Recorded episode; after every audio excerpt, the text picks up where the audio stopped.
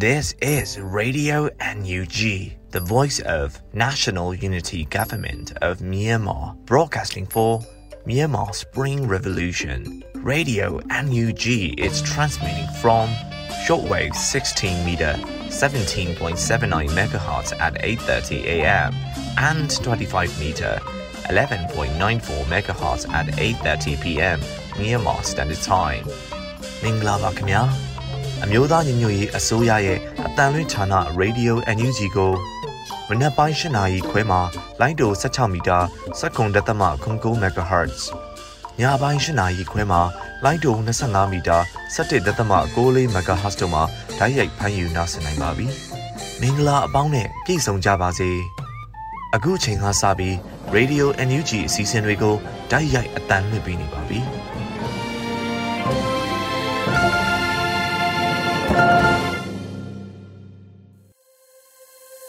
မြန်မာနိုင်ငံသူနိုင်ငံသားအပေါင်းတဘာဝပေးဆရာနာရှင်ဘေးတို့ကနေကင်းဝေးပြီးကိုစိတ်နှပါဘေးကင်းလုံခြုံကြပါစေလို့ Radio NUG အဖွဲ့သားများကဆုတောင်းမေတ္တာပို့သလာရပါတယ်။ခုချိန်ကစပြီးကာကွယ်ရေးဝန်ကြီးဌာနရဲ့စီရေးသတင်းအကျဉ်းချုပ်ကိုရွေဦးလင်ကကဖတ်ကြားတင်ပြပေးမှာဖြစ်ပါတယ်ရှင်။ကာဝဲဝင်ကြီးဌာနအမျိုးသားညီညွတ်ရေးဆိုရက ဇူလိုင်လ18ရက်နေ့2022ခုနှစ်ထုတ်ဝေတဲ့စီရေးသတင်းချင်းချုပ်ကိုတင်ဆက်ပေးတော့မှာဖြစ်ပါတယ်။စစ်ကောင်စီတပ်သား73ကြာဆုံးပြီးနှစ်ဦးထိခိုက်ဒဏ်ရာရရှိခဲ့ကြောင်းသတင်းရရှိပါရခင်ဗျာ။စစ်ကောင်စီနဲ့တိုက်ပွဲဖြစ်ပွားမှုသတင်းတွေကိုတင်ဆက်ပေးကြပါမယ်။ကချင်ပြည်နယ်မှာ ဇူလိုင်လ18ရက်နေ့ကကချင်ပြည်နယ်ဖားကန့်မြို့နယ်ဆယ်စင်းကျွာမှာစစ်ကောင်စီတပ်နဲ့ကချင်လွတ်မြောက်ရေးတပ်မတော် KIA တို့တိုက်ပွဲပြင်းထန်နေပြီးစစ်ကောင်စီဘက်မှဂျက်လီရင်3စီးနဲ့3ကြိမ်ထပ်မံ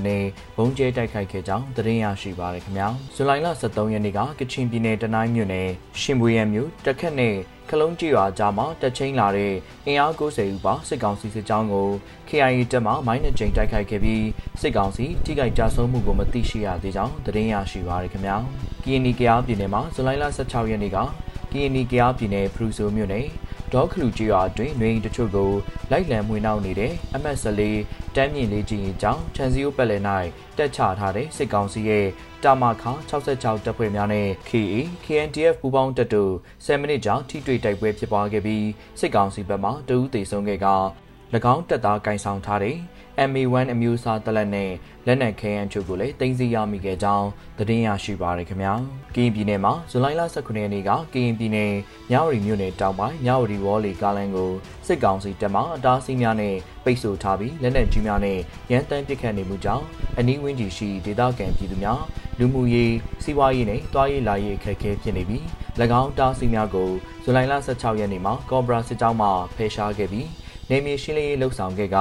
မြဝတီဝေါ်လီလန်ပိုင်းမှာဇူလိုင်လ9ရက်နေ့မှစတင်၍စစ်ကောင်စီနဲ့ KNL ပူးပေါင်းတပ်ဖွဲ့ကော့ပရာစစ်ကြောင်းကြားတိုက်ပွဲများဖြစ်ပွားခဲ့ပြီးစစ်ကောင်စီဘက်မှတရင်မှုအဆင့်အရာရှိပါဝင် အများပြားတိတ်ဆုံးခဲ့က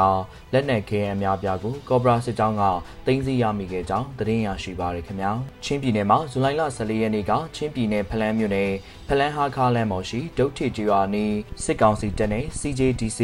Special Task Force ပူးပေါင်းအဖွဲ့တို့တနေကုန်ဒီပါတိုက်ပွဲဖြစ်ပွားခဲ့ပြီးစစ်ကောင်စီထောင်ထားတဲ့မိုင်းနေမိ၍ CJDC Special Task Force မှရဲဘော်နှုတ်ထိခိုက်ဒဏ်ရာရရှိသွားခဲ့ကြောင်းသတင်းရရှိပါရခင်ဗျာ။ စကိုင်းတိုင်းမှာဇူလိုင်လ23ရက်နေ့ကစကိုင်းတိုင်းဒဇယ်မြို့နယ်အင်ကုတ်ကားကျေးရွာနဲ့အုတ်ဖိုဆိုင်ကျေးရွာကြားမှာကင်းလှည့်ထွက်လာတဲ့အင်ကုတ်ကားကျေးရွာမှာတပ်ဆွဲထားတဲ့စစ်ကောင်စီတပ်သားများကိုရွှေဘိုခရိုင်တရင်9ခုနှစ်ဒေသကာကွယ်တပ်ဖွဲ့တို့မှစောင့်ကြိုတိုက်ခိုက်ခဲ့ရာစစ်ကောင်စီတပ်သား3ဦးသေဆုံးခဲ့ပြီး4ဦးထိခိုက်ဒဏ်ရာရရှိခဲ့ကြောင်းသတင်းရရှိပါရခင်ဗျာ။ ဇူလိုင်လ23ရက်နေ့ကသကိုင်းတိုင်းကောလင်းမြို့နယ်လှဲပွဲကျွော်၌တရက်ခုံကျွော်သို့ဒုတိယကျင်းစစ်ကြောင်းထိုးလာတဲ့စစ်ကောင်စီတပ်သားများကိုကောလင်း KI တရင်တီကောလင်းမြို့နယ်ပကပ Secret Warrior UG တို့မှတိုက်ခိုက်ခဲ့ပြီးလှဲပွဲကျွော်မှာမြောင်းကြီးဘက်သို့ကူးလာတဲ့စစ်ကောင်စီတပ်သားများကိုပူးပေါင်းဖွဲ့မှမိုင်းဆွဲတိုက်ခိုက်ခဲ့ရာစစ်ကောင်စီတပ်သား10ဦးသေဆုံးခဲ့ပြီးပကဖမှ2ဦး PDF ရဲဘော်2ဦးကြာဆုံးခဲ့၍4ဦးထိခိုက်ဒဏ်ရာရရှိခဲ့ကြောင်းသတင်းရရှိပါရခင်ဗျာ။ ဇူလိုင်လ14ရက်နေ့မှစ၍စကိုင်းတိုင်းခင်ဦးမြို့နယ် Impact ကျွော်နီနိုင်တကြိမ်မြင်းတောင်ကျွော်နဲ့တရက်ပင်စုကျွော်ကြားနိုင်တစ်ကြိမ်ကံပက်ကျွော်နီနိုင်တစ်ကြိမ်စစ်ကောင်စီကားများကို KSO DUGF WOOF FAF Northern Tiger Group တို့မှမိုင်းဆွဲတိုက်ခိုက်ခဲ့ပြီး drone ဖြစ်လဲဘုံကျဲတိုက်ခိုက်ခဲ့ရာစစ်ကောင်စီတပ်သား30ဦးခန့်ဒဏ်ရာရရှိသွားခဲ့ကြောင်းသတင်းရရှိပါရခင်ဗျာတ နင်္သာရီတိုင်းမှာဇူလိုင်လ16ရက်နေ့ကတနင်္သာရီတိုင်းတဝဲမြို့နယ်မြစ်တာမြို့စင်ပြူတိုင်းရွာ၌စစ်ကောင်စီနှင့် KNDU တို့တိုက်ပွဲပြင်းထန်လျက်ရှိပြီး၎င်းတိုက်ပွဲမှာစစ်ကောင်စီဘက်မှအထိနာနေကြောင်းသတင်းရရှိပါရခင်ဗျာဇူလိုင်လ9ရက်နေ့ကတနင်္သာရီတိုင်းတရချောင်းမြို့နယ်အလေစုရွာတိုက်ပွဲ၌ပြည်သူ့ကာကွယ်တပ်ဖွဲ့မှဒုတက်စုမှုရဲဘော်အာနိုကြဆုံးခဲ့ပြီး 9:14မိနစ်အချိန်၌တောင်ပြောက်ရွာတိုက်ပွဲမှာရဲဘော်ကန်တွန်ကြဆုံးခဲ့ရက၎င်းတိုက်ပွဲကိုပြည်သူ့ကာကွယ်တပ်မတော် Federal စစ်ကြောင်းနှင့်ကစဲတို့ကြား KPDF တပ်ဖွဲ့တို့ပူးပေါင်းတိုက်ခိုက်ခဲ့ရာစစ်ကောင်စီဘက်မှဆယ်ဦးထက်မနည်းတေဆုံးသွားခဲ့ကြောင်းသတင်းရရှိပါရခင်ဗျာ။ပဲခူးတိုင်းမှာဇူလိုင်လ16ရက်နေ့ကပဲခူးတိုင်းရေတာရှိမြို့နယ်ဗရောက်ကုန်းကျေးရွာအုပ်စုရေတာရှိလေးကျေးရွာမှာတပ်ဆွဲထားတဲ့စစ်ကောင်စီတပ်သား25ဦးခန့်ကိုတန်အောင်မြောက်ပိုင်းထူဒေသ NDDF အဖွဲ့နေပြည်တော် PDF နဲ့ ဒေါင်းမင်းသားရေတာရှိ PDF ပူးပေါင်းဖွဲ့တို့မှကြားဖြတ်တိုက်ခိုက်ခဲ့ရာစစ်ကောင်စီတပ်သား9ဦးခန့်တေဆုံးသွားခဲ့ကြောင်းသတင်းရရှိပါရခင်ဗျာမန္တလေးတိုင်းမှာဇူလိုင်လ16ရက်နေ့ကမန္တလေးတိုင်းနဲ့ထိုးကြီးမြို့နယ်ရန်ကုန်မန္တလေးအမြန်လမ်းမှာမိုင်းတိုင်းအမှတ်320မှာစစ်ကောင်စီကားကြီး3စီးပါရင်နံအားနထိုးကြီး PDF မှာမိုင်းဆွဲတိုက်ခိုက်ခဲ့တဲ့အတွက်ကြောင့်စစ်ကောင်စီတပ်သား၄ဦးနဲ့အထက်သေဆုံးခဲ့ပြီး၎င်းရင်နံဟာမိထီလာဘက်မှထွက်ခွာလာခြင်းဖြစ်ပြီး နထိုးကြီး PDF မှဗဒေတာမိုင်း၁၁လုံးနဲ့ဖောက်ခွဲတိုက်ခိုက်ခဲ့ကြောင်းသတင်းရရှိပါရခင်ဗျာဇူလိုင်လ19ရက်နေ့ကမန္တလေးတိုင်းမြင်းကျန်မြို့နယ်မှာနထိုးကြီးမြို့နယ်ဘက်သို့မြင်းကျန်နထိုးကြီးကားလန်တိုင်းမောင်းနေလာတဲ့စစ်ကောင်စီအင်အား၁၀ဦးခန့်ပါတဲ့ကားတစ်စီးအားနထိုးကြီး People Defense Force NPDF မှမိုင်းဆွဲတိုက်ခိုက်ခဲ့တဲ့အတွက်ကြောင့်စစ်ကောင်စီတပ်သား2ဦးသေဆုံးသွားခဲ့ကြောင်းသတင်းရရှိပါရခင်ဗျာရှမ်းပြည်နယ်မှာဇူလိုင်လ15ရက်နေ့ကရှမ်းပြည်နယ်ကွတ်ခိုင်မြို့နယ် KIA တပ်မဟာ6တရင်ကိုနေမြေနတ်ဖက်ကားနဲ့ကုတ်ခိုင်ကြားရှုကင်းသာအနီးနန်ဖလွန်းဒေသ၌စစ်ကောင်စီခလာရ290တပ်အင်အား90ဦးခန့်ပါရှိတဲ့စစ်ကြောင်းနဲ့ KIA တို့တိုက်ပွဲပြင်းထန်စွာဖြစ်ပွားခဲ့ကြောင်းသတင်းရရှိပါရခင်ဗျာဆက်လက်ပြီးစစ်ကောင်စီကကျူးလွန်တဲ့ရာဇဝမှုတွေကိုတင်ဆက်ပေးကြပါမယ်ချင်းပြည်နယ်မှာ ဇူလိုင်လ15ရက်နေ့ကချင်းပြည်နယ်ဖလန်းမြို့နယ်ချွန်ကျုံကျေးရွာ၌စစ်ကောင်စီတပ်ကကျေးရွာတဲသို့ဝင်ရောက်၍ပြည်သူပိုင်းနေ15လုံးခန့်ကိုမိရှို့သွားခဲ့ကြောင်းသတင်းရရှိပါရခင်ဗျာဇူလိုင်လ16ရက်နေ့ကမတူပီမြို့နယ်ဖနိုင်ကျေးရွာ၌ဗျူဟာမှုရဲ့လူယုံတော်ဗိုလ်မှူးတန်းနိုင်ဝင်းပြစ်တက်ခံရပြီးနောက် CDM ဆရာဝန်ဇနီးမောင်နဲ့အပါအဝင်ပြည်သူ6ဦးကိုစစ်ကောင်စီတပ်မှလာရောက်ဖမ်းဆီးသွားခဲ့ကြောင်းသတင်းရရှိပါရခင်ဗျာ စကိုင်းတိုင်းမှာဇူလိုင်လ19ရက်နေ့ကစကိုင်းတိုင်းမြောင်မြို့နယ်ကြောက်ရည်ကျွော်ရှိစစ်ကောင်စီတပ်သားများဟာငပေကျွော်နဲ့ခေါင်းခွဲကျွော်ကြားငလက်ပတ်အင်းဆက်သို့ရောက်ရှိခဲ့ပြီးနောက်ချန်ကင်းဖွဲမှာ40မမများနဲ့ခေါင်းခွဲကျွော်စေကျွော်များသို့ရန်တမ်းပစ်ခတ်ခဲ့ရာစစ်ကောင်စီတပ်သားများရန်တမ်းပစ်ခတ်မှုကြောင့်စေရွာနေဥပေါ်တီမန်းအောင်လက်ဖက်ရည်ဆိုင်ပေါ်သို့40မမတလုံးကြားရောက်ခဲ့ပြီး22နှစ်အရွယ်မက်မြတ်တန်းအောင်ကိုထိမှန်သေးဆုံးခဲ့က 9နှစ်အရွယ်ကလေးငယ်တူးသည်လည်းပူကောင်းကြည်စာထိမှန်ခဲ့ကြောင်းနဲ့မြစ်ဆုံကြီးရွာသို့လက်နက်ကြီးလက်နက်ငယ်များနဲ့ဝင်ရောက်ပစ်ခတ်ခဲ့ပြီးနေအိမ်များကိုလည်းမိရှုဖျက်ဆီးသွားခဲ့ကြောင်းသတင်းရရှိပါရခင်ဗျာတနင်္သာရီတိုင်းမှာဇူလိုင်လ16ရက်နေ့ကတနင်္သာရီတိုင်းပလောမြို့နယ်ပလောခလာရ285တက်မှာအကြီးစားလက်နက်ကြီးရှစ်ချက်ကန်ရန်တမ်းပစ်ခတ်ခဲ့တဲ့အတွက်ကြောင့်အိမ်ငါးဆောင်ခန့်ပျက်စီးသွားခဲ့ကြောင်းသတင်းရရှိပါရခင်ဗျာဇူလိုင်လ15ရက်နေ့ညနေပိုင်း၌တနင်္သာရီတိုင်းပလောမြို့နယ် ပလော PPDF မှာလွန်ခဲ့တဲ့တရက်ခန့်မှကြာဆုံးသွားခဲ့တဲ့ရဲဘော်စော်ဝါရဲ့ပုံအားလိုင်းပေါ်တင်ခဲ့မိတဲ့အတွက်ကြောင့်ဒဝေမြို့၌နေထိုင်တဲ့ရဲဘော်စော်ဝါရဲ့ဖခင်အားစစ်ကောင်စီမှလာရောက်ဖမ်းဆီးသွားခဲ့ကြောင်းသတင်းရရှိပါရခင်ဗျာဇူလိုင်လ15ရက်နေ့ကတနင်္သာရီတိုင်းတရချောင်းမြို့နယ် တောင်ပြောက်တိုက်နယ်အလေစုရွာမှာနေအိမ်တချို့အားစစ်ကောင်စီတပ်များဝင်ရောက်ရှာဖွေခဲ့ပြီးပစ္စည်းများကိုမတရားယူဆောင်သွားခဲ့က၎င်းနေအိမ်များကိုလည်းမိရှုဖျက်ဆီးခဲ့ရာနေအိမ်၅လုံးထက်မနည်းမိရှုဖျက်ဆီးခံခဲ့ရကြောင်းသတင်းရရှိပါရခင်ဗျာပဲခူးတိုင်းမှာဇူလိုင်လ16ရက်နေ့ကမနက်ပိုင်းမှာပဲခူးတိုင်းနောက်ချမ်းတာယာဝတီခရိုင်အုပ်ဖို့မြို့နယ်အုပ်ဖို့မြို့မှာတရားလွတ်တော်ရှိနေသူနေထိုင်တဲ့အိမ်ပါဝင် နေအိမ်လေးလုံးအောင်စစ်ကောင်စီတပ်ဖွဲ့ဝင်များမှချိတ်ပိတ်သွားခဲ့ပြီး အုပ်ဖို့မြို့ရွာမလေးလန်းရွာမရက်ကွက်၌နေထိုင်တဲ့ကိုရဲရဲ့နေအိမ်နဲ့အတူကွင်းကျယ်ရွာရှိကိုမောင်ဝင်းနေအိမ်ကိုင်းကြီးရွာရှိကိုအေးမိန်နေအိမ်နဲ့ကျိုးကြကွင်းရွာရှိကိုမိမိနေအိမ်များကိုလည်းချိတ်ပိတ်သွားခဲ့ကြောင်းသတင်းရရှိပါရခင်ဗျာမကွေးတိုင်းမှာဇူလိုင်လ16ရက်နေ့ကမကွေးတိုင်းစလင်းမြို့နယ်မြင်းဒီကုန်းကျေးရွာလမ်းဆောင်စလင်းကံပြားကားလမ်းပေါ်ရှိကုန်းရဆိုင်ဒီဇိုင်းမှာလူငယ်တူအား စစ်ကောင်စီလက်အောက်ခံပေါင်းပင်စင်းရဲကြီးဥက္ကဋ္ဌယာယီမှုနဲ့စစ်ကောင်စီလက်အောက်ခံရဲတပ်သားများမှလာရောက်ဖမ်းဆီးသွားခဲ့ကြောင်းသတင်းရရှိပါရခင်ဗျာရန်ကုန်တိုင်းမှာဇူလိုင်လ16ရက်နေ့ကမနေ့အစောပိုင်းမှာရန်ကုန်တိုင်းတာမွေမြို့နယ်168လမ်းထဲမှာပြုလုပ်ခဲ့တဲ့ဆန္ဒပြပွဲကိုတနက်ပြပောက်ပြိုကွင်းမှုပြုလုပ်ခဲ့ပြီးစစ်ကောင်စီဖွဲ့ဝင်များကအမျိုးသမီး2ဦးနဲ့အမျိုးသားတက်ကြီးရွယ်တူကိုဖမ်းဆီးသွားခဲ့ကြောင်းသတင်းရရှိပါရခင်ဗျာ။ ဇူလိုင်လ16ရက်နေ့ကရန်ကုန်တိုင်းမြောက်ကလာပါမြို့နယ်ညရက်ကွယ် AR18 မှာလူငယ်တူကိုစစ်ကောင်စီဖွဲ့ဝင်များကဖမ်းဆီးခဲ့ကြောင်းသတင်းရရှိပါရခင်ဗျာဇူလိုင်လ16ရက်နေ့ကရန်ကုန်တိုင်းရွှေပြည်သာမြို့နယ်ရှစ်ရက်ကွယ်အောင်တော်မူနှစ်လန်းအဆောင်မှာပြည်သူတူကိုစစ်ကောင်စီဖွဲ့ဝင်များကဖမ်းဆီးခဲ့ပြီးထွက်ကြည့်သူများကိုပြစ်တက်မိဟုချင်းချောက်ပြောဆိုသွားခဲ့ကြောင်းသတင်းရရှိပါရခင်ဗျာဇွန်လ6ရက်နေ့ကရန်ကုန်တိုင်းတကုံမြို့တစ်တောင်ပိုင်းမြို့နယ်22ရက်ကွက် ယထာတန်လန်ဘေးမှာနေထိုင်နေမောင်အောင်မြင့်ထွေးဟာ၎င်းရဲ့တငယ်ချင်းတွေနိုင်ကြ၏ပြီးပြန်လာစဉ်မှာလန်ခုလက်၌အုတ်ချုပ်ရည်မှုပါဝင်အဖွဲ့ဝင်များမှမင်းကိုဆုံးမစရာရှိသည်ဟုဆိုကဝိုင်းဝန်းထိုးကျိတ်ရိုက်နှက်ခဲ့ကြရမှာတိတ်ဆုံးသွားခဲ့ကြောင်းသတင်းရရှိပါရခင်ဗျာဇူလိုင်လ15ရက်နေ့ကရန်ကုန်တိုင်းမရန်ကုန်မြို့နယ်တမိုင်းနှစ်ရက်ကွယ်အောင်မြင့်တာငါးလန်းကိုစစ်ကောင်စီကအဲစင်းစစ်ဝင်ရောက်ခဲ့ပြီးပြည်သူ20ဦးခန့်ကိုဖမ်းဆီးခဲ့ရာ18ဦးအား တဦးလ9000ကျပ်နှုန်းတောင်းခံ၍ပြန်လွှတ်ပေးခဲ့ပြီး၃ဦးကိုဆက်လက်ဖမ်းဆီးထားခဲ့ကြောင်းသတင်းရရှိပါရခင်ဗျာ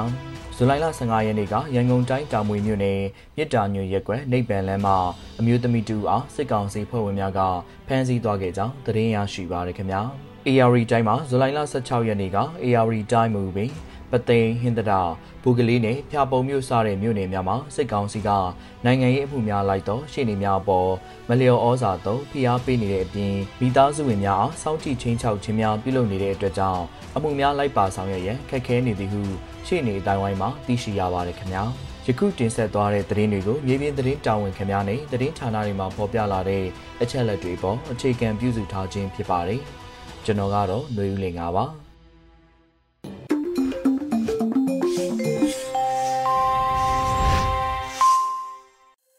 ရေဒီယို NUG ရဲ့မနက်ခင်းအစီအစဉ်တွေကိုဆက်လက်အသံလွှင့်ပေးနေပါတယ်။အခုတကနောက်ဆုံးရသတင်းများကိုအေရီမှဖတ်ကြားတင်ပြပေးပါမယ်ရှင်။မင်္ဂလာပါရှင်။အခုချိန်ကစပြီး Radio NUG မနက်ခင်းပြည်တွင်သတင်းတွေကိုတင်ပြပေးတော့မှာဖြစ်ပါတယ်။ကျွန်မကတော့အေရီပါရှင်။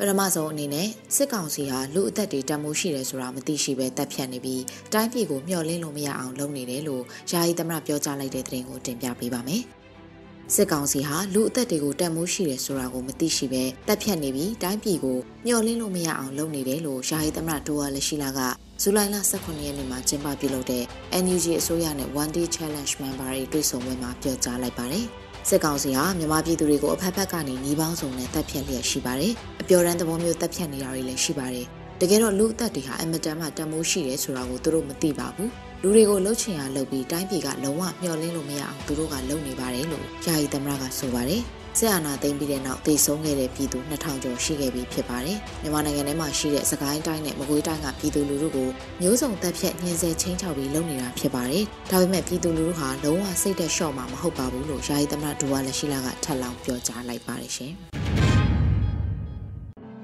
ဆက်လက်ပြီးထိန်းချုပ်ထားနိုင်တဲ့36မြို့နယ်ကမြေပြင်အနေအထားကို90ရာခိုင်နှုန်းကနေ80ရာခိုင်နှုန်းအထိအမှန်တကယ်ထိန်းချုပ်ထားနိုင်တယ်လို့ပြည်ထောင်ရေးဝန်ကြီးပြောကြားလိုက်တဲ့သတင်းကိုတင်ပြပေးပါမယ်။ အမျိုးသားညီညွတ်ရေးအစိုးရရဲ့ထိန်းချုပ်ထားနိုင်တဲ့36မြို့နယ်ကမြေပြင်အနေအထားကို90ရာခိုင်နှုန်းကနေ80ရာခိုင်နှုန်းထိအမှန်တကယ်ထိန်းချုပ်ထားနိုင်ပြီလို့ပြည်ထောင်ရေးဝန်ကြီးဦးလွင်ကိုလက်ကပြည်သူလူထုနဲ့ NUG တွေ့ဆုံပွဲမှာပြောကြားခဲ့ပါတယ်။ထိန်းချုပ်နိုင်တဲ့36မြို့နယ်ကိုထုတ်ပြောတယ်ဆိုတာကမြေပြင်ရဲ့အနေအထားကို90ရာခိုင်နှုန်းကနေ80ရာခိုင်နှုန်းအထိထိန်းချုပ်မှုအမှန်တကယ်ရှိပါတယ်။ဘာကြောင့်ကျွန်တော်တို့ဒီလိုပြောရလဲဆိုရင်ပုံမှန်မြေပြင်အချက်လက်ကိုအမြဲတမ်းကောက်ပါတယ်လို့ဝန်ကြီးကဆိုပါတယ်။ လက်ရှိမှာစကိုင်းတိုင်းကကန့်ဘလူကတားနဲ့ကောလင်းမြို့နယ်တွေမှာအုပ်ချုပ်ရေးအစီအစဉ်တွေကို NUG အစိုးရကစတင်နေပြီဖြစ်တယ်လို့သိရှိရပါတယ်ရှင်။အခုတခါမဟာမိတ် EROs အသစ်တွေတော်လန်ရေးထဲမှာထဲထဲဝင်ဝင်ပူးပေါင်းဆောင်ရွက်လာဖို့ရှိတယ်လို့ကာကွယ်ရေးဝန်ကြီးသတင်းစကားပါလိုက်တဲ့အကြောင်းကိုလည်းတင်ပြပေးပါောင်းမယ်။မဟာမိတ် EROs အသစ်တွေတော်လန်ရေးထဲမှာထဲထဲဝင်ဝင်ပူးပေါင်းပါဝင်လာဖို့ရှိတယ်လို့ကာကွယ်ရေးဝန်ကြီးဦးရင်မွန်ကဇူလိုင်လ18ရက်နေ့မှာကျင်းပပြုလုပ်တဲ့ NUG အစိုးရနဲ့ One Day Challenge Member တွေတွေ့ဆုံပွဲမှာပြောကြားလိုက်ပါတယ်။ လက်ရှိမှာ NUG နဲ့ထထဝင်ဝင်ဆောင်ရွက်နေတဲ့ EAO ဆိုလို့ရှိရင်နိုင်ငံရေးရောစစ်ရေးမှာပါအမြဲတမ်းပေါင်းဆက်ညှိနှိုင်းပြီးတော့ပူးပေါင်းဆောင်ရွက်နေတာရှိပါတယ်။လက်ရှိပူးပေါင်းဆောင်ရွက်နေတဲ့ EAOs တွေအပြင်မဟာမိတ် EAOs အသစ်တွေလည်းဒီတော်လှန်ရေးထဲမှာထထဝင်ဝင်ပူးပေါင်းပါဝင်လာဖို့လည်းရှိပါတယ်ဆိုတာကျွန်တော်အနေနဲ့သတင်းကောင်းပါပါတယ်လို့ဆိုပါတယ်။ NUG အစိုးရဟာလက်ရှိမှာ KNU နဲ့ပူးပေါင်းဆောင်ရွက်လျက်ရှိပြီးတခြားတိုင်းရင်းသားတော်လှန်ရေးအင်အားစုတွေနဲ့လည်းဆွေးနွေးလျက်ရှိနေတယ်လို့သတင်းရရှိပါရရှင်။ ဆက်လက်ပြီးຫນွေဦးတော်လှန်ရေးမှာနေသားသလိုနေနေကြတဲ့သူတွေတော်လှန်ရေးမှာပါဝင်လာရေးစည်းရုံးကြဖို့ပြည်တော်စုဝင်ကြီးဦးတင်ထွန်းနိုင်တိုက်တွန်းလိုက်တဲ့သတင်းကိုတင်ပြပေးပါမယ်။နေဦးတော်လှန်ရေးမှာနေသားသလိုနေနေကြတဲ့သူတွေတော်လှန်ရေးမှာပါဝင်လာရေးစည်းရုံးကြဖို့စီမံကိန်းဗန္ဒာရေးနဲ့ရင်းနှီးမြှုပ်နှံမှုဝင်ကြီးဌာနပြည်တော်စုဝင်ကြီးဦးတင်ထွန်းနိုင်ကပြောကြားလိုက်ပါတယ်။မိမိတို့နဲ့နှီးဆက်ရမှာနေသားသလိုနေနေကြတဲ့သူတွေကိုဆွဲခေါ်ပါဆွဲခေါ်ပြီးဒီတော်လှန်ရေးမှာပါဝင်လာအောင်စည်းရုံးပါ စည်းရုံးလိုက်ရင်ဒီတော်လှန်ရေးမြင်မြန်အောင်မြင်ပါမယ်လို့ဝန်ကြီးကဆိုပါတယ်။ဒါအပြင်ပြည်သူများကြာရာကဏ္ဍကနေပါဝင်ဖို့လိုအပ်ပြီးတော့တော်လှန်ရေးဟာပြည်တွင်းပြည်ပနေထိုင်သူနိုင်ငံသားအားလုံးနဲ့သက်ဆိုင်တယ်လို့ဝန်ကြီးကထပ်လောင်းပြောပါတယ်။2021ခုနှစ်ဖေဖော်ဝါရီလ1ရက်နေ့ဆက်အာဏာသိမ်းပြီးတဲ့နောက်ဆက်အာဏာရှင်စနစ်စန့်ကျင်ရေးမျိုးဦးတော်လှန်ရေးဟာပေါ်ပေါက်လာခဲ့တာဖြစ်ပါတယ်ရှင်။စစ်ကောင်စီရဲ့လူခွင့်ရေးချိုးဖောက်မှုတွေကိုနိုင်ငံတကာခုံရုံးတင်ပြီးတရားမျှတမှုဖော်ဆောင်နိုင်စေဖို့အမျိုးသားညီညွတ်ရေးအစိုးရက ICC ကိုတင်ပြခဲ့မှုအပေါ် ICC အနေနဲ့စီစဉ်ဆောင်ရွက်မှုတွေပြုလုပ်နေပြီဖြစ်တယ်ဆိုတဲ့သတင်းကိုတင်ပြပေးပါမယ်။ စစ်ကောင်စီရဲ့လူခွင့်ရေးချိုးဖောက်မှုတွေကိုနိုင်ငံတကာခုံရုံးစီတင်ပြီးတရားမျှတမှုဖော်ဆောင်နိုင်စေဖို့အမျိုးသားညီညွတ်ရေးအစိုးရက ICC ကိုတင်ပြခဲ့မှုပေါ် ICC အနေနဲ့စီစဉ်ဆောင်ရွက်မှုတွေပြုလုပ်နေပြီဖြစ်တယ်လို့ဇူလိုင်လ18ရက်နေ့မှာလူမှုကွန်ရက်ကနေတဆင့်လူခွင့်ရေးရဝန်ကြီးဦးအောင်မျိုးမင်းကရေးသားပြောကြားခဲ့ပါတယ်။မြန်မာနိုင်ငံမှာလက်ရှိကြုံတွေ့နေရတဲ့အကြမ်းဖက်အာဏာသိမ်းမှုကြိုးပမ်းလျက်ရှိတဲ့စစ်ကောင်စီရဲ့လူခွင့်ရေးချိုးဖောက်မှုတွေကိုနိုင်ငံတကာခုံရုံးတင်ပြီးတရားမျှတမှုဖော်ဆောင်နိုင်စေဖို့အမျိုးသားညီညွတ်ရေးအစိုးရက ICC ကို2022ခုနှစ်ကတည်းကစတင်ပြီးစစ်ကောင်စီဘက်ကကျူးလွန်ခဲ့တဲ့ရာဇဝတ်မှုတွေနဲ့ပတ်သက်ပြီးထိရောက်တဲ့အရေးယူမှုတွေလုပ်နိုင်မှုတင်ပြခဲ့မှုအပေါ် ICC အနေနဲ့စီစဉ်ဆောင်ရွက်မှုတွေပြုလုပ်နေပြီဖြစ်တဲ့အကြောင်းသူတို့ရဲ့လုံပိုင်ခွင့်စနစ်မြန်ဆောင်၃ကိုအသုံးပြုပြီးကြေညာချက် declaration ထုတ်ပြန်ခဲ့ပါတယ်လို့ဝန်ကြီးကဆိုပါတယ်။ဒါအပြင်အမျိုးသားညီညွတ်ရေးအစိုးရအနေနဲ့မြန်မာနိုင်ငံတွင်းဖြစ်ပွားခဲ့ဖြစ်ပွားလျက်ရှိနေတဲ့ရာဇဝတ်မှုတွေကိုနိုင်ငံတကာတရားရုံးတွေခုံရုံးတွေအထိတင်ပြပြီးတရားမျှတမှုရရှိစေရေးနဲ့နောက်မှာယခုလိုစစ်ရာဇဝတ်မှုတွေကို နိုင်ငံတွင်းမှာမြည်သူတဦးတယောက်ကမှထပ်မံကျူးလွန်ခြင်းမရှိစေဖို့အတွက်အစွမ်းကုန်စူးစမ်းပြီးတရားမျှတမှုကိုဖော်ဆောင်လျက်ရှိပါတယ်လို့ World Day of International Justice နေ့မှာဝန်ကြီးကထပ်လောင်းပြောကြားခဲ့ပါတယ်။စစ်ကောင်စီတပ်တွေဟာအစိုးရအပြုံလိုက်မိရှို့တပ်ဖြတ်မှုတွေအပါအဝင်လူ190ကျော်ကိုနယ်မြို့တွေမှာတပ်ဖြတ်ခဲ့တယ်လို့လူခွင့်ရေးရာဝန်ကြီးဌာနကထုတ်ပြန်ခဲ့ပါတယ်ရှင်။ ဆက်လက်ပြီးနိုင်ငံရခြားမှရောက်ရှိနေတဲ့မြန်မာလူမျိုးတွေနိုင်ငံကူးလက်မှတ်တက်တန်းတို့ရဲ့အခက်အခဲကြုံတွေ့နေရတဲ့ကိစ္စနဲ့ပတ်သက်ပြီးတန်မတ်ကြီးဦးကျော်မိုးထွန်းကဖြေကြားခဲ့တဲ့သတင်းကိုတင်ပြပေးပါမယ်။ဇူလိုင်လ18ရက်နေ့ကကျင်းပပြုလုပ်ခဲ့တဲ့ပြည်သူလူထုနဲ့ NUG အစိုးရတွဲဆုံပွဲမှာနိုင်ငံရခြားမှရောက်ရှိနေတဲ့မြန်မာလူမျိုးတွေနိုင်ငံကူးလက်မှတ်တက်တန်းတိုးရမှာစစ်ကောင်စီလက်အောက်ခံတန်ယုံဝန်ထမ်းတွေကလုပ်ငန်းစဉ်နှိကွေးအောင်ပြုလုပ်နေကြပြီးမဆောင်ဆိုင်နိုင်မှာကပြည်တွင်းကိုပြန်ဝင်ပြီးတက်တန်းတိုးဖို့တောင်းအားပေးနေတဲ့အတွက် NUG အစိုးရအနေနဲ့ ဘယ်လိုမျိုးကူညီဆောင်ရွက်ပေးနိုင်မလဲလို့မေးမြန်းတဲ့နေရာမှာကုလသမဂ္ဂဆိုင်ရာမြန်မာအမြဲတမ်းကိုယ်စားလှယ်တပ်အမတ်ကြီးဦးကျော်မိုးထွန်းကအခုလိုဖြေကြားခဲ့ပါတယ်။အခုလိုမျိုးဒီ passport ကိစ္စနဲ့ပတ်သက်လာရင်ကျွန်တော်တို့အနေနဲ့ဘလို့လှုပ်ဆောင်လို့ရမလဲဆိုတဲ့ဥစ္စာကိုတောက်လျှောက်စဉ်းစားညှိနှိုင်းပြီးတော့တချို့တွေလည်းဥပဒေပိုင်းဆိုင်ရာတွေနဲ့ຫນွယ်တဲ့ဥစ္စာဖြစ်တဲ့အတွက်ကြောင့်ဥပဒေပိုင်းဆိုင်ရာကျွမ်းကျင်သူတွေစီကလည်းကျွန်တော်တို့တီးခေါက်ရတဲ့ဥစ္စာတွေရှိပါတယ်ကျွန်တော် passport ထုတ်ပေးတဲ့ဥစ္စာကဒီအစိုးရတစ်ခုအနေနဲ့ရပါတယ်ဒါပေမဲ့အတိမတ် ပြုမှုဆိုတဲ့ဥစ္စာမျိုးမှာတော့လေကွန်ထုတ်လာနိုင်ကြရှိပါတယ်တမ်မကြီးကနိုင်ငံအသီးသီးရဲ့တန်ယုံတွေဟာနိုင်ငံတကာပူးပေါင်းဆောင်ရွက်ရေးတွေကောင်းမွန်အောင်ဆောင်ရွက်ခြင်းအပြင်ပြည်ပရောက်မိမိနိုင်ငံသားတွေကိုကိုညီဝန်ဆောင်မှုပေးရန်လဲတာဝန်ရှိပါကြောင်း NUG အစိုးရအနေနဲ့နိုင်ငံကူးလက်မှတ်ထုတ်ပေးရေးနဲ့ပတ်သက်ပြီးဥပဒေပိုင်းဆိုင်ရာအရာပါအကြံဉာဏ်များရယူဆောင်ရွက်လျက်ရှိပါကြောင်းနဲ့လက်တွေ့မြေပြင်ပိုင်းမှာအသိမှတ်ပြုမှုပုံမှုခိုင်မာလာအောင်ပြည်သူတွေနဲ့အတူ လက်တွဲပြီးဖြစ်မြောက်အောင်မြင်အောင်ဝိုင်းဝန်းကြိုးပမ်းဆောင်ရွက်သွားကြရမှာဖြစ်ပါကြောင်းပြောကြားသွားခဲ့ပါတယ်ရှင်။ဆက်လက်ပြီး American ရောက်မြန်မာများ San Francisco မြို့မှာလူလူလှုပ်ရှားမှုကျင်းပတဲ့တဲ့တင်ကိုတင်ပြပေးပါမယ်။ဇူလိုင်လ16ရက်နေ့က Free Burma Action Committee San Francisco အဖွဲ့ကဦးဆောင်ပြီးအာဇာနည်နေ့အထိမ်းအမှတ်အဖြစ်လူလူလှုပ်ရှားမှုတွေလှုပ်ဆောင်ခဲ့ပါတယ်။68ကြိမ်မြောက်အလံမလိတ်အတန်မတိတ် San Fran တပိတ်တိုက်ပွဲခေါင်းစဉ်နဲ့ San Francisco မြို့ City Hall ရှေ့မှာလူအများပါဝင်လှုပ်ရှားခဲ့ကြပါတယ်။ဖက်စစ်စစ်တပ်အမြင့်ဖြတ် PDF ကိုအားဖြည့်ပြီးစစ်အစိုးရဖြုတ်ချရေးစတဲ့ Fanai Poster တွေကင်ဆောင်ခဲ့ကြပြီးလူလူလှုပ်ရှားမှုတွေပြုလုပ်ခဲ့ကြတာပါ။အဲဒီနောက်မှာအာဇာနည်နေ့အထိမ်းအမှတ်ဖြစ်ကြာဆုံးမှုအပေါင်းကိုအလေးပြုခဲ့ကြတယ်လို့လည်းသတင်းရရှိပါတယ်ရှင်။ Count for You Education ကလုံခြုံရေးရတင်းရှောင်ရန်လိုအပ်နေတဲ့ဆရာဆရာမတွေကို NUG အစိုးရပညာရေးဝန်ကြီးဌာနကဦးဆောင်ကဲထုတ်ပေးဖို့လိုလားနေကြတဲ့တဲ့တင်ကိုတင်ပြပေးပါမယ်။ဇူလိုင်လ18ရက်နေ့မှာ Count for You Education ကလုံခြုံရေးရတင်းရှောင်ဖို့လိုအပ်နေတဲ့ဆရာဆရာမတွေကို NUG အစိုးရပညာရေးဝန်ကြီးဌာနကဦးဆောင်ကဲထုတ်ပေးဖို့လိုလားတယ်လို့လူမြောက်နေမျိုးကိုရောက်ရှိနေတဲ့အတန်းမှန်ဆရာမတအူးကပြောဆိုလိုက်ပါတယ်။ အခုကအားလုံးလည်းပြေးနေရတယ်တချို့လည်းမိုးကုတ်ကဆီယာမာကြီးဆိုတပြည့်နေရာမှာတိန်းရှောင်နေရတာပေါ့ဆီယာမာကြီးထက်ပြောင်းမှုလိုရဲဆိုတော့အသက်ကြီးပြီတဲ့မပြေးနိုင်တော့ဘူးပေါ့နော်အဲ့လိုဆိုရဲအခုကအတန်းတန်းနဲ့မှာဆီယာမနှစ်ယောက်ဆိုအတန်းအားလုံးတွက်လိုက်ရင်ဆီယာဆီယာမတွေရာချီတယ်ဒါကိုဖြစ်နိုင်ရင်ပညာရေးဝန်ကြီးဌာနကကဲထုတ်ပေးစေချင်တယ်လို့ဆိုပါတယ် ဇူလိုင်လ16ရက်နေ့မှာစစ်ကောင်စီကသတင်းထုတ်ပြန်ခဲ့ရမှာကောင်းဖော်ယူကျောင်းကဆရာကောင်းတိုက်ဆိုအပါဝင် CDM ဆရာ3ဦးကိုအိတ်ခမ်းအတွင်းဖမ်းမိပြီးကျောင်းသားကျောင်းသူတွေထံကချင်းချောက်ငွေတောင်းခံခဲ့တယ်လို့ဖော်ပြသွားခဲ့ပါတယ်။ အဲဒီလိုကျောင်းသားကျောင်းသူတွေကိုပညာသင်ကြားပေးနေတဲ့ဆရာဆရာမတွေကိုမတရားဖန်ဆီးခြင်းဟာပညာသင်ယူခွင့်ဆုံးရှုံးနေတဲ့ကလေးငယ်တွေစဉ်ဆက်မပြတ်ပညာသင်ယူခွင့်ရရှိစေဖို့အတွက်ဂျားကာလာပညာရေးဖော်ဆောင်နေတဲ့ကျောင်းတွေကိုဖျက်ဆီးဖို့ရည်ရွယ်ချက်နဲ့လှုံ့ဆော်နေရတာဖြစ်တယ်လို့ပညာရေးဝန်ကြီးဌာနကလည်းဇူလိုင်လ18ရက်နေ့ရက်စွဲနဲ့ထုတ်ပြန်ကြေညာထားပါတယ်ရှင်။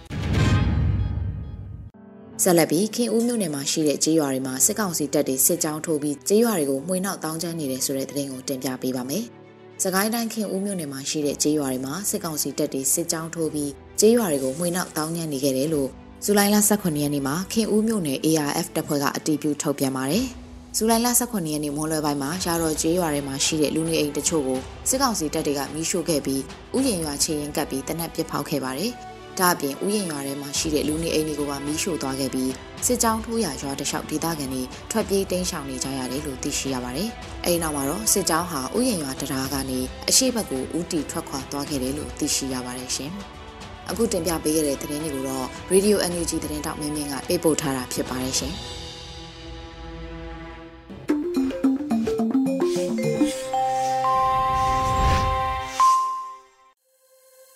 ရေဒီယိုအန်ယူဂျီအတွက်အခုဆက်လက်ပြီးနားဆင်ကြရမှာကတော့ပြည်သူခုခံစစ်သတင်းများပဲဖြစ်ပါတယ်။ကျော်ရီဦးကတင်ပြပြီးမှဖြစ်ပါတယ်ရှင်။ပထမဆုံးအနေနဲ့ဒပရင်ကျွန်းပင်ဂိတ်ကို drone ဖြင့်ဘုံကျဲပစ်ခတ်တိုက်ခိုက်မှုစစ်သား9ဦးဒဏ်ရာရတဲ့တဲ့တင်ဆက်ပါမယ်။စကိုင်းတိုင်းဒပရင်မြို့ဝင်ကျွန်းပင်ဂိတ်မှာစကန်ချတက်ဆွဲထားတဲ့အကြမ်းဖက်စစ်ကောင်စီတပ်ဖွဲ့ကိုယမနေ့ဇူလိုင်လ16ရက်မွန်းလွဲ2:50မိနစ်မှာဒေသကာကွယ်အဖွဲ့များက drone ဖြင့်ဘုံကျဲပြီး လက်နက်ငယ်များဖြင့်ပစ်ခတ်တိုက်ခိုက်ရာစစ်သား9ဦးဒဏ်ရာပြင်းထန်ကာကားများဖြင့်တည်ဆောင်သွားကြောင်းအာဏာရှင်တော်လှန်ရေးပြည်သူ့တပ်မတော် DRPA ကပြောပါတယ်။အဆိုပါဂိတ်ရှိစစ်ကောင်စီတပ်ဖွဲ့ဟာခီးသွွားပြည်သူများကိုလက်နက်ပြချင်းချောက်ခါအာဓမငွေတောင်းခံနေကြောင်းနဲ့၎င်းတပ်ဖွဲ့ကို DRPA FRF နဲ့မိုးဦးအဖွဲ့တို့ကပူးပေါင်းတိုက်ခိုက်ခဲ့ပြီးစစ်ကောင်စီတပ်ဖွဲ့ဘက်မှလက်နက်ကြီးလက်နက်ငယ်များဖြင့်ပြန်လည်တိုက်ခိုက်တော်လဲတော်လှန်ရေးအဖွဲ့များမှအထိကိမရှိစုခွာနိုင်ခဲ့ကြောင်းသိရှိရပါတယ်။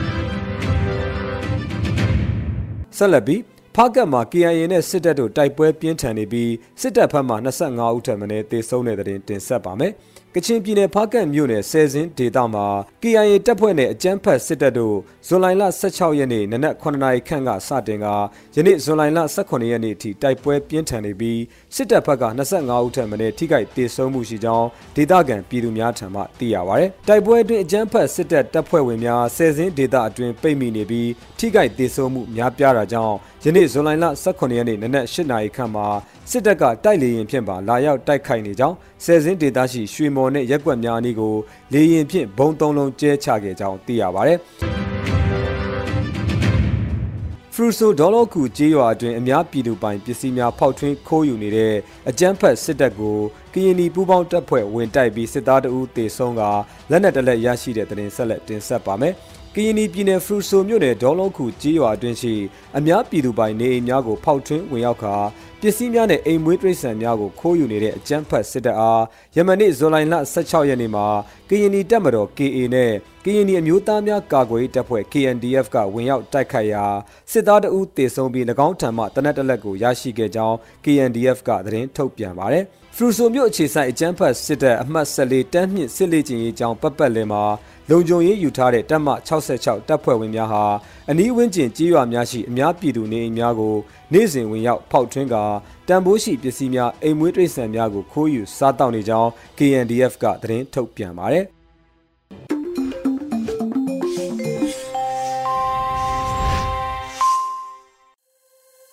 Radio NUG အတွက်အခုနောက်ဆုံးနားဆင်ရမှာကတော့ မောင်တင်သစ်ရေးဆက်ပြီးကိုစိုးနဲ့ကိုဖတ်တို့တီးဆိုထားတဲ့အောင်လန်လွှင့်လို့ချီတက်ကြစို့နော်လို့အမည်ရတဲ့တေးသချင်းကိုနားဆင်ရမှာဖြစ်ပါတယ်။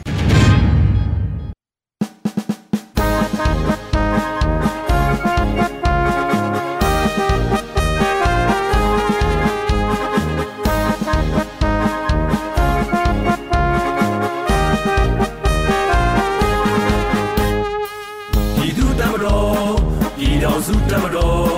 ပြည်သူကိုကာကွယ်ဆောင်ရှောက်ရန်ရည်မျောညီညွတ်ကြနော် PDF ရဲ့ပေါ်နိုင်ငံတော်တည်တို့လက်ဆက်ချီမယ်နော်ညီစေနော်ညီညာစေပြည်သူများ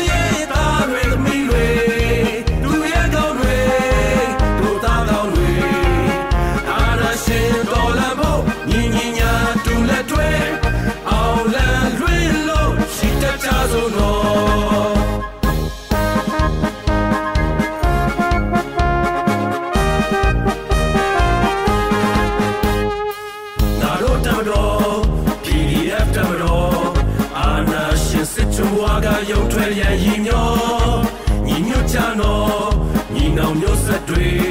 နိုင်ငံတော်တည်တည်ဆောက်ဖို့တမိုင်းပေးတာဝန်တော်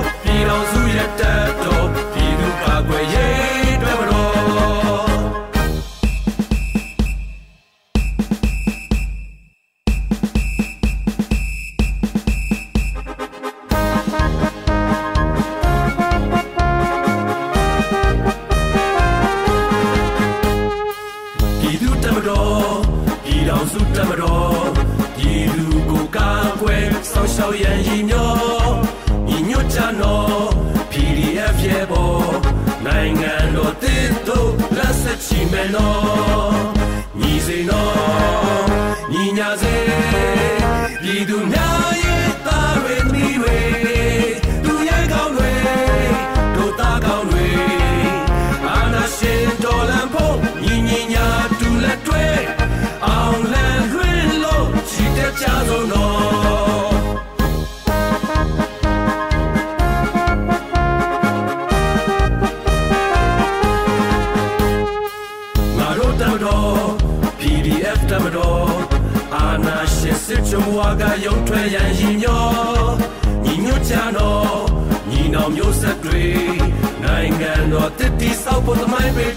တော့